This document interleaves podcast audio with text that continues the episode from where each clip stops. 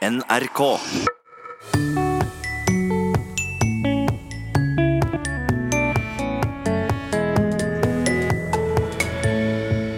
Ut med byråkratispråket og skriv så folk forstår.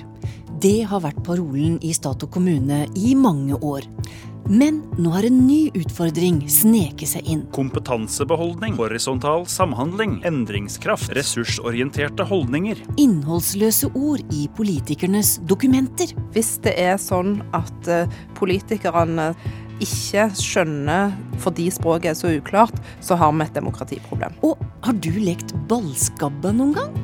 En kjent lek, men et ukjent ord for Tor Erik Gjenstad. Vel møtt til Språkteigen. At stat og kommuner skriver så folk forstår dem, er et satsingsområde for norske myndigheter. For skjønner ikke du hva kommunen din skriver til deg, så kan det bli et problem for deg. Men hva så om politikere ikke forstår hva som står i dokumenter de skal fatte vedtak etter? Hva da? Hvilke konsekvenser kan det få? Da Stavanger kommune skulle rydde opp i sine språklige synder, satte de i gang en stor undersøkelse, og resultatet overraska dem. For å få godskrevet forskuddstrekket må mottakeren ha vært i aktsom god tro i forhold til om forskuddstrekket er foretatt i egen godtgjørelse. Skjønner du hva det betyr? Ikke jeg heller.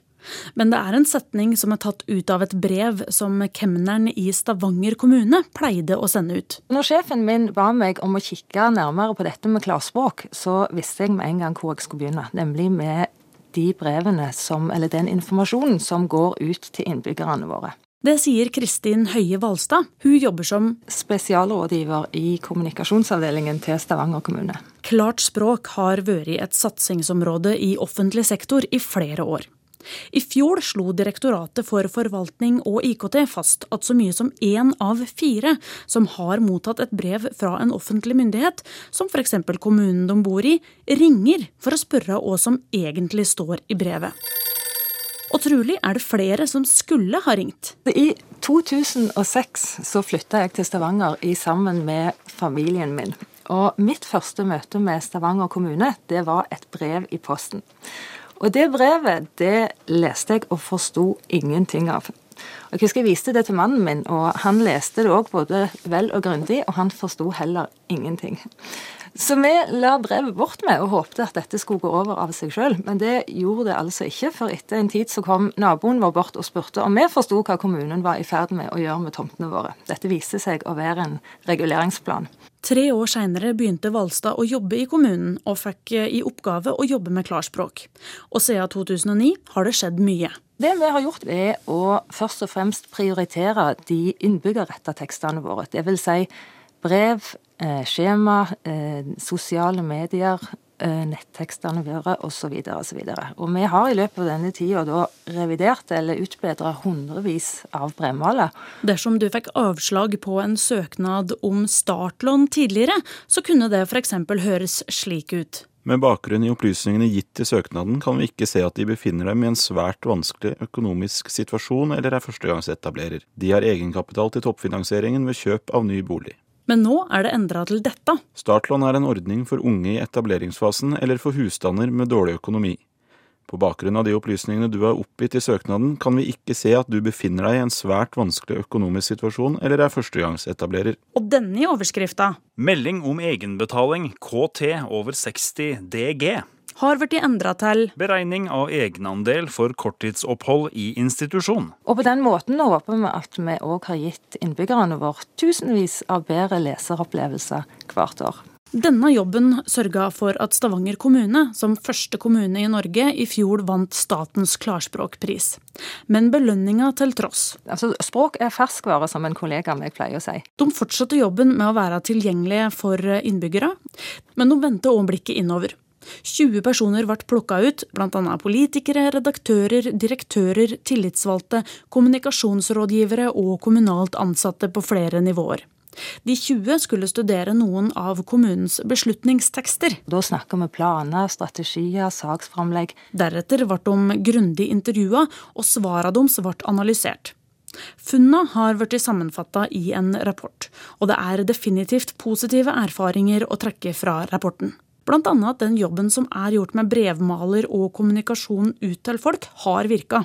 Men så dukka det opp et nytt fenomen. Der du i eh, disse gamle tekstene, spesielt brev, fant et litt sånn oppstylta og snirklete, det vi kaller kansellistil, så ser vi en tendens til mer utflytende, vage formuleringer med til dels oppkonstruerte ord i, i denne teksttypen. Kompetansebeholdning, horisontal samhandling, endringskraft, ressursorienterte holdninger. De som har beskjeftiget seg mer med dette her, faglig mener at vi her har å gjøre med en sjargong, en måte å skrive på, som har sitt opphav innenfor det økonomiske og administrative fagfeltet, og som blir forvalta kanskje først og fremst av konsulentbransjen og institusjoner som BI, og som da har spredd seg inn i det offentlige, og, og som en sier koloniserer stadig flere fagfelt. Langsiktig strategifokus, ressursorienterte holdninger, horisontal samhandling, helhetlig utvikling, endringskraft. Problemet med dette språket er at det kan som sagt virke fremmedartet og litt oppkonstruert. Og jeg tror at f.eks. innbyggere og ansatte og gjerne tillitsvalgte kan oppleve at dette er et språk som er ganske fjernt fra egen hverdag og virkelighet. Og at det er et språk da som kan føre til manglende engasjement og motstand og litt avmakt. Endringskraft. Kompetansebeholdning. Horisontal samhandling. Helhetlig utvikling. Langsiktig strategi. Ressursorienterte holdninger. Nei, dette går jo ikke! Dette er altså ord som er brukt i kommunale styringsdokumenter, kommunale beslutningsdokumenter. Det sier språkdirektør Åse Vetås. Hun vet nemlig at disse tåkeola ikke kun dukker opp i Stavanger kommune, men derimot i hele landet. Det vi ser, det er at det da er lokalpolitikere som sier at dette er et språk vi ikke skjønner. Vi skjønner ikke hva det står i de eh, beslutningsdokumentene som vi skal være med og vedta. Og da har vi et problem. Hvis det er sånn at eh, politikerne som eh, stiller opp i kommunestyrene, ikke skjønner språket i de eh, dokumentene som de skal være med å vedta, fordi språket er så uklart, så har vi et demokratiproblem. For det er mye makt i språk. Den som forstår, forstår, mens den som ikke forstår, Vel, den kan sette i gang med ting som en ikke skjønner omfanget av. En ting er da at uh, det ikke er sikkert at uh, kommunestyrerepresentantene skjønner alt innholdet så godt som de burde. En annen ting er at disse dokumentene skal jo ha et liv etter at de er vedtatt òg. Det er jo da eh, det som er innholdet, skal settes ut i praksis. Og, og, hvis eh, kommuneadministrasjonen heller ikke forstår godt nok hva det er som står der, så kan det bli både dyrt og det kan bli veldig feil. Dette vil Stavanger kommune unngå. De har planlagt skriveverksted og evalueringer, de er i ferd med å lage opplegg for opplæring, de skal ansvarliggjøre ledere på forskjellige nivåer, og de skal teste alle tekster på de som faktisk skal bruke dem. Kristin Høie Valstad har mange tiltak på lur. Det er veldig viktig å spre informasjon om dette i media. Folk må, altså uansett om du er politiker eller innbygger, si tydelig ifra hvis du mottar tekster som er skrevet på en måte som gjør at du ikke forstår. Tidligere kommunalminister Jan Tore Sanner sa at det skal ikke være flaut å ikke forstå et brev du mottar fra det offentlige. Det skal være flaut å sende et brev som folk ikke forstår. Klart språk er og blir et satsingsområde, og Stavanger har nå altså blitt en slags foregangskommune. Men har Hvalstad noen tips til andre som kanskje ikke har kommet like langt? Altså det første jeg kan si er at Dette er et veldig engasjerende og kjekt arbeid, så de som skal i gang, har mye å glede seg til. Samtidig så er dette et eh, både møysommelig og tidkrevende arbeid. Så mitt første råd er at sørg for at du eh, legger lista på et nivå som gjør det overkommelig. Ta et steg om gangen, og sørg for å ha ledelsen med på laget. Det er kjempeviktig. Men viktigst av alt, det er å spørre innbyggerne til råds. For det er de som vet hva som fungerer og ikke i tekstene. Det sa Kristin Høie Valstad i Stavanger kommune. Reporter var Helle Therese Kongsrud. Og du fikk altså gode tips om hvordan det kan jobbes med klart språk. Og jobbes det godt, så kan det vanke pris. Hvert år deles det altså ut klarspråkpriser, og nominasjonen den pågår nå. Juryen har fått ny leder. Audhild Gregoriusdotter Rotevatn, som til daglig er dekan på medialinja ved Høgskolen i Volda. Og vi hører mye om dårlig språk her nå, men hvordan vil du da definere et klart språk? Ja, det er jo kan være mange ting, men det viktigste språket er, er en infrastruktur der du skal frakte noe fra en sender til en mottaker. Det er en slags motorvei for forståelse. Og da må vi spørre oss om hva er det en vil si? Hva slags ord bruker en, hvordan sier en det, og i hva slags kanaler? Og hva er det mottakeren oppfatta av dette. Mm, men det er voldsomt ruskete når vi hører om eh, ord som ressursorienterte holdninger, horisontal samhandling og langsiktig strategifokus. Ja, det var mye rusk på motorveien, vil jeg si. Skjønte du det ikke? Nei, dette tror jeg folk har problemer med å forstå.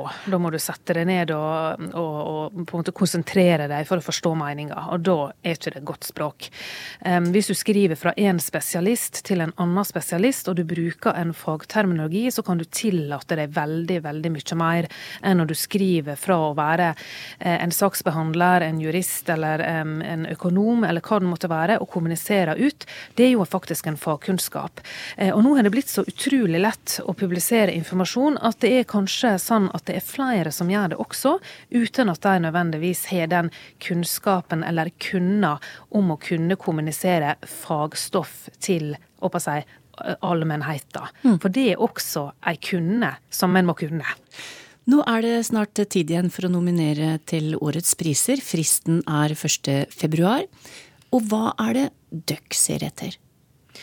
Jeg ser etter et språk som er lett å forstå som kommuniserer godt med målgruppa si, som gjør det enkelt å delta som borger, som gjør det lett å forstå hva som er meninga blant dette, eh, og som rett og slett gjør at folk kan forstå og delta. Og ofte hører vi disse historiene i media fra offentlig forvaltning at 'jeg fikk et brev på ti sider, og jeg forstår ikke hva som står der'. Og det er jo mange sånne enkelt um, anekdoter eller episoder som alle bærer med seg. Og da leter vi etter en god språkpraksis der vi ser at etaten eller kommunen eller eh, hvem det nå måtte være, kommuniserer og treffer målgruppa si, og så forstår de hva som står. Enkelt og greit. Men jeg holdt nesten på å si finnes dem? For vi hører jo nettopp mange sånne eksempler som du nevner nå, og vi hører jo fra Stavanger hva som holder på å skli inn i språket der. Mm. Ja, Blir litt motløs? Ja, nei. Jeg er jo alltid optimist. jeg tenker at det har skjedd en skriftrevolusjon de siste åra.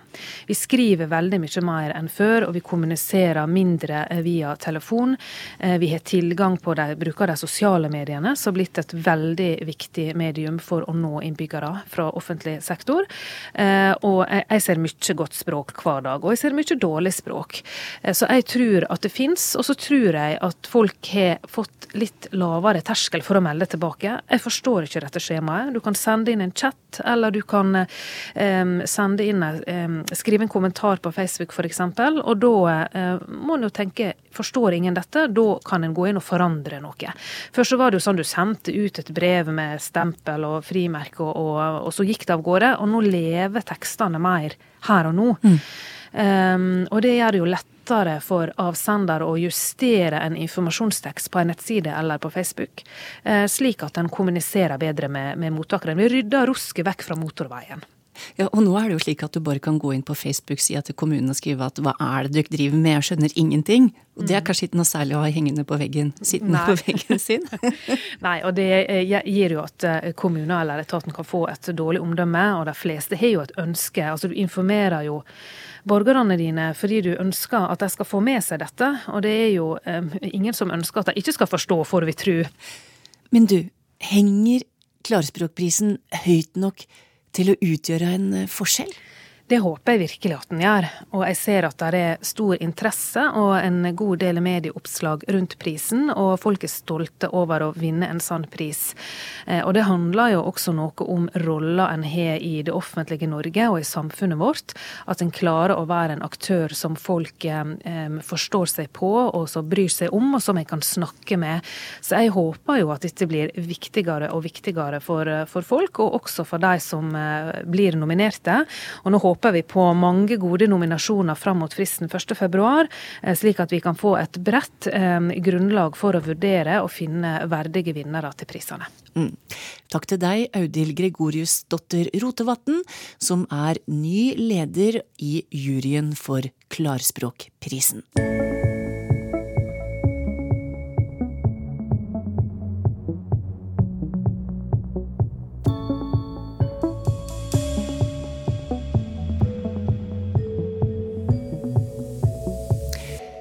Skal legge vekk vanskelige byråkratiske ord og tåkeprat i politiske dokumenter, og heller finne noe i språket som ja, behager oss og virker melodisk vakkert. Og da prater jeg om navn. For denne uka kom oversikten over de mest populære navnene i 2018, der Emma og Lukas troner på toppen. Og videre på lista så fulgte. For jenter så er det Nora og Olivia som følger på plassene etter. Og eh, på guttesiden så er det Philip og Oliver. Sier Jon Olav Folsland i Statistisk sentralbyrå. Og med den navnetopplista så viser det seg at norske foreldre følger internasjonale trender. Det er internasjonale bølger som slår inn. Altså det er toppnavn rundt omkring i mange land rundt oss. Det sier førsteamanuensis i nordisk språkvitenskap ved Universitetet i Bergen, Ivar Utne. Lucas, Philip og Oliver har en god klang, mener han. Folk liker disse litt l-ene og litt v-ene og sånn som er litt stemte. Eh, det, det er iallfall veldig mye Alt, Alle disse tre vi nå snakker om, er jo egentlig navn som er i er i bruk i mange land rundt oss, og som det ser ut som det er internasjonale bølger som når inn i Norge. På jentesida så er det syns jeg denne gangen er Du har jo dette med Emma og Nora og Olivia, og der har du jo nettopp Olivia som ligner på Oliver. da. Det er tydeligvis noe med den klangen i de navnene som folk liker, og også Olivia er mye brukt i mange land rundt oss. Klangen i navna slår altså an, og vil det si at de har en fengende fonetisk melodi?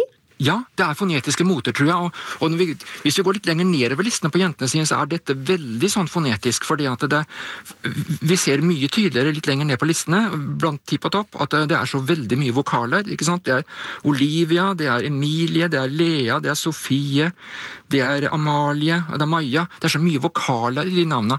Og det er noe som har skjedd de siste fem, seks, syv, åtte åra. At det er blitt mer og mer vokaler i navnet. Og så er jo mye altså disse velklingende konsonantene, sånn som L, M og N, har blitt så mye av nå.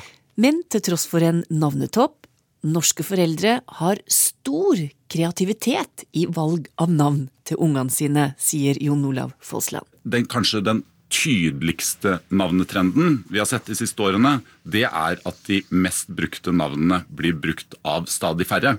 Sånn at eh, topp ti-listen for både gutter og jenter, det utgjør ikke mer enn 10% av de barna som ble født i 2018. Så 90% av foreldre gir barna sine helt andre navn enn de som ligger på topp ti-listen. Ja, det var litt eh, nytt om navn i Språkteigen i dag. Vi skal svare på lytterspørsmål eller rettere sagt, det er Tor Erik Gjenstad som skal få svare. Jeg skal viderebringe spørsmål fra døkk, og begynner med Magnus Vollen, som skrev i Facebook-gruppa til Språkteigen. Kjenner noen til ordet gløyp? Og hva betyr det? ja, det Det kan bety eh, flere ting, det. Eh, altså, det kan bety en munnfull eller en slusk eller et jafs, altså det som du gløyper i det. Uh, og da er det jo verbet å gløype, da, som betyr å sluke eller å, å svåle, å, å, svelge. Og du gløyper i det. Uh, og så er det da også om person som gløyper. Altså en, en uh, slukhars, en fråtser, en, en grådig person. Da. Det kan være én gløyp. Så det, det, er jo det det, det betyr. Uh, og uh, annen betydning av gleip, som er litt mer spesiell, kanskje, det er jo en Altså, i vann, det er jo der farten, eller strømmen, øker. Ja. Det kan som plasser være kalla gleip. Og jeg vet ett ord til der det er gløyptro, eller gløptro det er inntakstroa i et kvennhus der du tar inn vannet som skal ned på kvennakaren. Mm. For da, da, får det fart. da, vet Du Du, du, leder det inn i ei tro slik at, som uh, har ganske bra fall, slik at det får vannet, vassstråling, får stor fart når den treffer kvennakaren. Og det er gløyptroa. Men dette gløyp, uh, gløype, har det noe med glafse å gjøre, eller? Det kan hende langt uti, men det er jo et gammelt verb. løypa allerede på uh, norrønt, da. Lisbeth Glærum har et spørsmål om et uttrykk fra hennes barndomstrakter i Kristiansand. Der sa de pøs om et spann. Og hva er bakgrunnen for det ordet, spør hun. Ja, bakgrunnen er vel eh, sjøfarten og sjømenn. Eh, for pøs, eh, om jeg bøtte eller et spann, det kommer fra lågtysk, som man sier, nordtysk, pytse eller pysse, og der betyr det visstnok auskar. Så pøsen var nok opprinnelig til skipsbruk, ja, om bord i båter. De hadde den pøsen. Så det er import nedenfra Nord-Tyskland. Så det er mer et maritimt eh, uttrykk enn det er en dialekt? Ja, det vil jeg nok si. Ja, det er nå kommet inn via sjømenn, sikkert. Og så har det jo kommet til å bety bøtt eller spann mer allment. Du har jo målerpøser, f.eks. Mm. Um, for en stund siden så prater vi om ordet jue her i Språkteigen.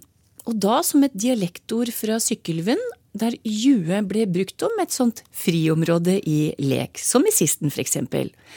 I min dialekt fra Borgund i Lærdal brukte vi ordet annerledes, skriver Ola, Ola Gram. Hans mor brukte å si «Jeg kvir meg så ei njue», og han oppfatta det som å grudde seg til noe. Vil det si at dette ordet har flere betydninger, spør han. Ja, jeg tror nok kanskje det er et annet ord her. Eh, for her er det jo én jue, ja. Eh, hannkjønnsord, og det der området i, i leik, det var vel ei jue, så vidt det kommer i haug. Så det er nok litt annet språkmateriale, det her. Eh, den der jua i leiken, det sa oss vel kunne ha vært opprinnelig et søkk eller ei grop. Mm. Men én jue, hannkjønnsordet, om person, det er jo mye rart. Uh, Norsk ordbok fører opp sju forskjellige betydninger okay. det. Tyngdepunkt på Vestlandet ser ut for å også inn i, i Agder. Men for eksempel betydning én som de har, er jo en som huier og skråler og bråker. Og så betydning to en villstyring, og det ser ut for å være mest vanlig. Men det passer jo ikke helt, det her med kvier seg som en jue, hvis det ikke da er eh, en jue da er en som eh, jamrer seg og lager bråk på den måten. Eh, nå har vi ei opplysning nettopp fra Lærdal. Det er ei ganske stor ordsamling av en Anders Skogen. Og han har med en jue og definerer det slik en som fer og rautar tumlar. Og så har han eksempelet skrika so en jue. Så jeg lurer på om det kan være rett og slett en som skriker og jamrer seg her, ja. Kan se ut slik. Men det er mange personbetydninger av uh, jue. Og, og, du har et verb som vel ligger i bunnen her, uh, å jua eller å jue, som blant annet betyr å huie og skråle. Det, og det kan vel være lydhermende. Så har du òg noen sammensetninger som juevær. Det er styggvær. Og et juehus det kan vel nærmest defineres som huskestue. Marit Skotte skriver i min barndom på Lesja så var ballskabba en populær aktivitet, særlig hos jenten, og den gikk ut på å dunke en ball mot en vegg, med huet og henda på variert vis, kne, ankel osv. Men hva kan ordet ballskabba komme av, og hva kan denne leken ha blitt kalt andre steder, spør hun. Ja, eh, det første spørsmålet der det tror jeg ikke jeg greier å svare på i farten. For det, er, det, var helt ukjent, og det var ikke registrert i noe arkiv eller noe som helst, det der ballskabba. Så det hadde vært artig å høre mer om. Det som jeg eh, vet om andre navn på det, det er jo at i Trøndelag var slikt eh, kalla balltur. Og det er jo fordi at det var forskjellige turer, da. Eh, som du nevner her, med at du, du skulle kunne bruke hend og kne og, og så videre. Og det kunne være at du skulle snu seg og klappe og ta igjen ballen. Uh, Tiballtur er nå et begrep, og da var det vel ti slike forskjellige operasjoner. da. Mm.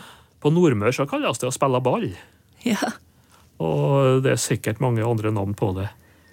Så det er vel det, det jeg har å si om det. Men det, igjen, her er det et område som skulle ha vært kartlagt bedre. Ja. Så her må vi få noen til å komme med opplysninger om ballskabba.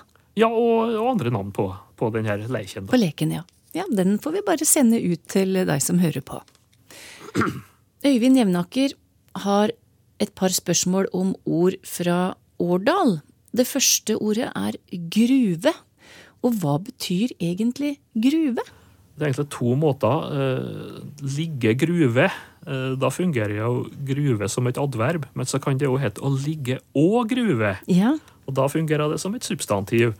Eh, og det betyr altså det er altså framoverbøyd og, og ansiktet ned, nedovervendt. Det fantes allerede i norrønt og gruvu. Og bakgrunnen her så har du et verb, da, å gruva, som betyr å bøye seg. Uh, dialekt så er jo det her mange plasser sunnafjells, både Østlandet og Vestlandet. Og så går det jo litt inn i, i Trøndelag og Nordland. Ligger lig gruv, eller ligg og gruv.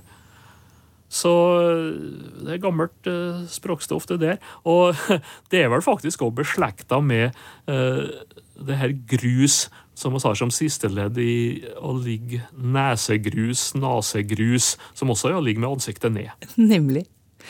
Det andre ordet Øyvind lurer på, det er å reise. Egentlig et helt eh, vanlig ord, men han har merka at på Østlandet så bruker de uttrykket å dra. Og i hans dialekt så er det å reise og dra to vidt forskjellige handlinger, så hva er grunnen til denne uttrykksforskjellen, spør han. Ja, det er vanskelig å, å, si hva som er grunnen, akkurat. Men uh, det er jo betydninga å, og fare, uh, å reise fra en plass. Og begge er nok ganske allmennorsk i slik betydning, både å reise og å dra. Mm. Uh, men det, det, kan ha vært annen fordeling før, da. For å dra det er jo et verb som har utvikla mange forskjellige betydninger.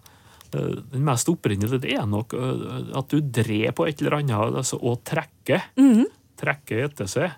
Det er nok det, men veldig mange forskjellige. og eh, så det er jo en interessant observasjon. Men hvis du ser på Ivar Aasen, f.eks., slår opp drager hos han, så er det mange forskjellige. og du da orker å bla ned til betydning tolv, ja. så kommer den da 'reise, fare av sted', skriver han. Brukt i enkelte egne. Så det kan hende at det har vært mindre allment på hans tid. Og han nevner faktisk eh, plasser på Vestlandet han med slik bruk. Han nevner Nordfjord, Sunnfjord og Voss med eksempel som 'han drog av'. Mm. Altså han reiste bort, og de drog fra oss. Og den betydninga å dra eller drage, den fantes jo allerede i norrønt òg. Så det er gammelt. Så det har eh, kanskje blitt mer av det, er det det du sier? Kan hende at den dra i betydninga reis har spredd seg, ja, har utvida som området sitt. Men begge er for all del allmennorsk i dag. Mm. Takk til deg, Tor Erik Gjenstad, som svarte på lytterspørsmål i dag. Og har du noe du lurer på om ord i dialekta di, eller andre ord og uttrykk, så skriv til oss. Teigen krøllalfa nrk.no, eller finn Språkteigen på Facebook. Det var Språkteigen i dag. Vi høres om ei uke. Ha det bra.